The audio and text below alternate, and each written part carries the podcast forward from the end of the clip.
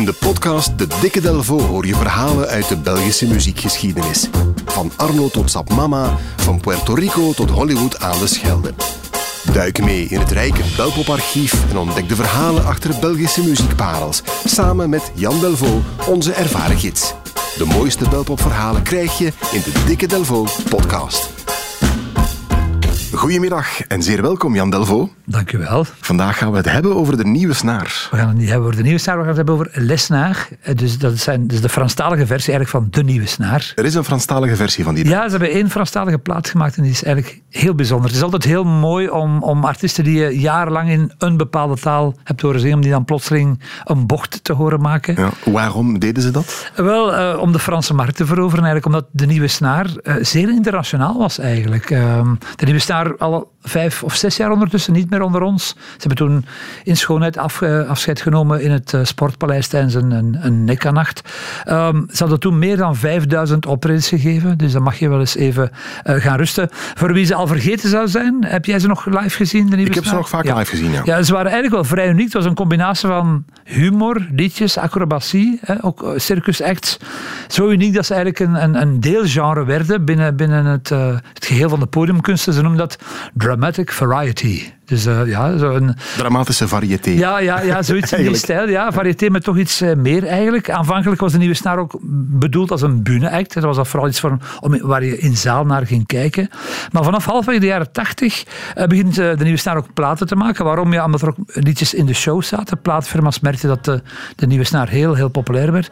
En die liedjes waren ook vanaf, vanaf het begin eigenlijk meteen op de radio te horen. Zoals dit. De fotografie, de fotografie, de fotografie, de fotografie. De fotografie, de fotografie, de fotografie, de fotografie. Wat is het heerlijk meeneurien met die doe-op van de nieuwe snaar, de fotografie. Ja, het was ook wel de muziek uit onze jeugd. Maar het blijft heel, heel fris eigenlijk. En de kwaliteit en ook die, die radiogevoeligheid, die eh, heeft heel te maken met de inzet van een jong talent uit, eh, uit Boeghout. Eh, iemand die op dat moment halfweg de jaren 80 ook druk werd gesolliciteerd om tv-reeksen te schrijven. Geweldige muzikant ook. Dat zal Hugo Matthijssen zijn, denk Dat ik. moet eh, Hugo Matthijssen Ja. zijn, inderdaad. Eh, op het eerste album van de Nieuwe Snaar, dat heette Hartelijk gefotografeerd, was hij goed voor vier nummers. En dan zijn, zijn Epos Maximus, zijn grootste werk eigenlijk, is uh, Hakaja uit 1989. Daarin, eh, daarop heeft hij een hand in die minder dan 9 van de 13 nummers. Wauw, dat is zo, behoorlijk ja. veel. Ja, en dan het jaar daarna verscheen zijn debuut als eh, Hugo Matthijssen en de Bomen. Ja. Eh, Dank u wel. Dus dat was, eh, hij was up and coming eigenlijk. Nu, de klassiekers op Hakaja eh, van de hand van Hugo zijn Liesjes Poesje. Kan je ongetwijfeld meezingen. Eh, de Zwemmer, hè, Zwemmer Zwem. Jan de Smet, de voorman van de Nieuwe Snaar, heeft er ook twee eh, evergreens op staan. Eh, de Schat van de Farao en de Duizend Kings of Rock and Roll. Ook de producer was een grootheid, die Jean Blaute. En die Ja. was eh, alomtegenwoordig in die periode. Die liedjes op Hakaja, op die plaat, die hoorden bij een gelijknamige show. Die de Nieuwe Snaar eigenlijk heel breed internationaal liet gaan. Dat was eigenlijk echt een echte internationale doorbraak. Dus we hebben die show 400 keer gespeeld. Niet alleen in België, maar ook ver daarbuiten. Frankrijk, Duitsland, Zwitserland.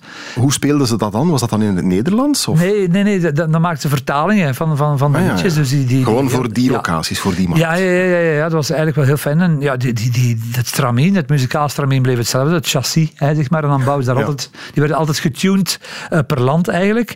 Eh, ja, en, en die internationale expansie eh, had ook gevolgen. Want dat, die bracht ook het idee aan eigenlijk om die liedjes dan ook gaan op te nemen. Hè, om die, die plaat eigenlijk in een andere taalversie te maken. Die Hakaja bedoel je Ja, dan? dat hebben ze dus met Hakaja gedaan in het Frans. Ze hebben die hier in België in Herent, bij Leuven in Studio Impuls, opnieuw opgenomen en een Franse versie van gemaakt.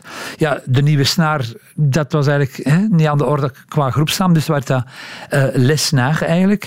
En die tekst hadden ze in het Frans laten vertalen door een, eh, een Fransman die gehuwd was met een Vlaamse, die perfect tweetalig was. Een zekere Yves Dardenne, iemand die later ook nog een eh, Franstalig nummer heeft geleverd voor eh, Guy de Belcanto. Dus die heeft heel die plaats gewoon van hè, die tekst van Hugo en van Jan vertaald, wat echt wel niet min was, denk ik, want ja, daar zit heel veel humor en veel eh rijmelarij. Maar hij is daar wel in geslaagd. Maar hij is erin geslaagd. En het mooie is eigenlijk, misschien zegt dat iets, pleit dat wel voor de kwaliteit ook weer van die nummers, dat je, die- dat je die eigenlijk gewoon van de ene taal naar de andere bijna letterlijk kan omzetten. Eh, we kunnen de oefening even doen. hè. De zwemmer wordt letterlijk le nageur. La mer paraît un saut interminable. Pensa le nageur en nageant dans l'eau lisse. Un diapason rongé dans son cartable, car ils étaient accordeurs de père en fils. Ja, gewoon hetzelfde nummer, maar in het Frans dan, hè, Le Nageur, Voilà, voilà. de zwemmer. Ja, ja. Eh, peukje wordt mégot, wat Frans is voor Een peukje, ja. Voilà. J'observe pendant des nuits entières ce mégot brûlant dans mon cendrier.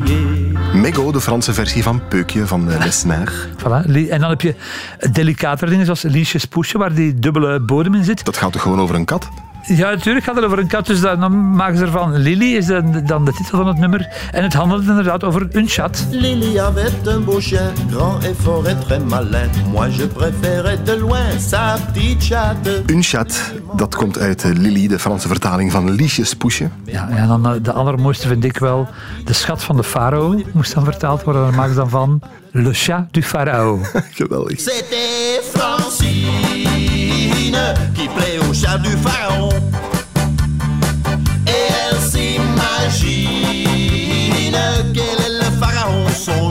Le Chat du Pharao, want dat vertaalt zo lekker vanaf de schat van de farao. Toch wel geestig gedaan, die Ja, het is heel plezierig om dat helemaal door te luisteren. Vooral omdat je die Nederlandstalige versies ja, al uit het hoofd kent eigenlijk. Nu, het verbazingwekkende van heel die plaat is dat er midden in die plaat dit nummer staat. Mijn waarde vrienden, staakt uw geraas. Ik ga vertellen over het land waar hij is de baas. In Midden-Europa, vlak aan de zee, bestaat er een landje gelukkig tevreden. Ja, dynastie-rap is dit, hè? maar dit is de Nederlandse versie. Hoe klinkt die Franse versie dan? Ja, nee, dat is juist het heel bijzondere. Dus staat er gewoon tussenin. Dus Ah, dit is de versie van Ja, die dit plaat. is, dit is een nummer met een volledig Belgische context. Dat gaat over, hè, over ons landje en zo. Die staat op die plaat. En het waarom, ik wacht altijd op een mail terug van Jan de Smet. Waarschijnlijk is dat niet te vertalen of zo. Hè? Wel, het- het- er is een nieuwe, het nummer is aanvankelijk verschenen in 6 of 87 en dan hebben ze een nieuwe versie gemaakt. En waarschijnlijk heeft de plaatfirma toen gezegd van, weet je wat, zwiert hij de rap even tussen. Dus heel, heel bizar. Dus dat is een volledig Frans... Nee, er staat ook nog een Duits nummer eh, op, die Schöne Moederin, maar dat was al in het Duits. Dus het is een drietalige plaat, eigenlijk bestemd voor eh, de, de Franse markt. Ze hebben het later nog eens overgedaan. Met het oog op een Spaanse tournee hebben ze aan Dirk van Esbroek, ken je die man nog, van, van Rum? Zeker, ja, absoluut. Eh, die, die is opgegroeid eh, in Argentinië. Die is dus, had, heeft al die nummers ook nog eens in het Spaans vertaald. En dan werd Liesjes Pusje, werd El Conejito de Lili. Dat, werd is een, dat is een klein konijntje. Ja. El Conejito. Ja. En de zwemmer werd, en dat vind ik een heel mooie, El Nadador. Ah, fantastisch. El Nadador. Ik wil graag eindigen met een, een, een nummer dat we allemaal kunnen meezingen. En ook hier weer is de titel gewoon letterlijk vertaald. Het, het Nederlands is The Thousand Kings of Rock and Roll. In het Frans is dat, dat Frans ken je zeker en vast. Zeker, nog wel. vast, ja. Les Mille King of Rock and Roll. Très bien, Floris. Bedankt, Jan.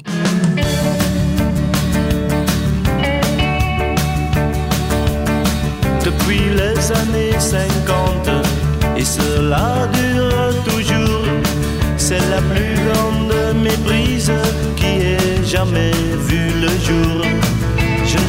Jamais comprendre pourquoi parmi toutes les idoles, ils ont pris ce chanteur blanc comme le seul king of rock and roll. Il nous chanta des airs stupides au solo mio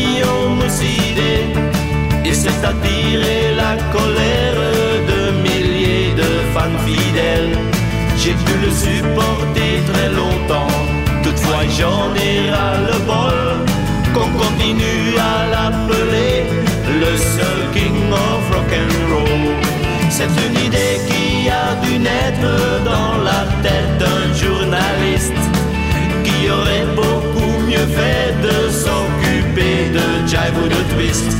Bien que le contraire soit vite prouvé, il garde son auréole. Ce fermier de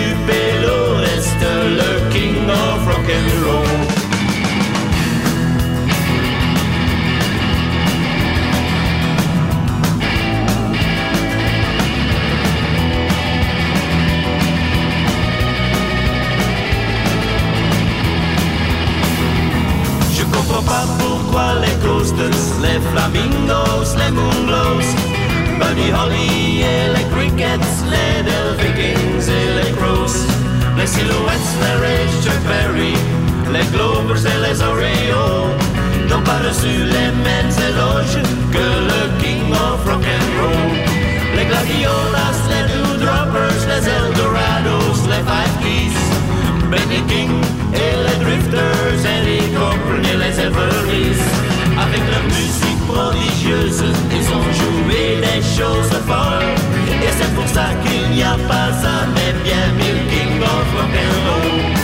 Gladiolas, les Dewdroppers, les Eldorados, les Five Keys. Benny King et les Drifters et des Cornell et les Everlys. Avec leur musique prodigieuse, ils ont joué des choses folles. Et c'est pour ça qu'il n'y a pas un mais bien mille King of Rock'n'Roll. Check zeker ook de andere Belpop-verhalen in een volgende aflevering van de Dikke Delvo.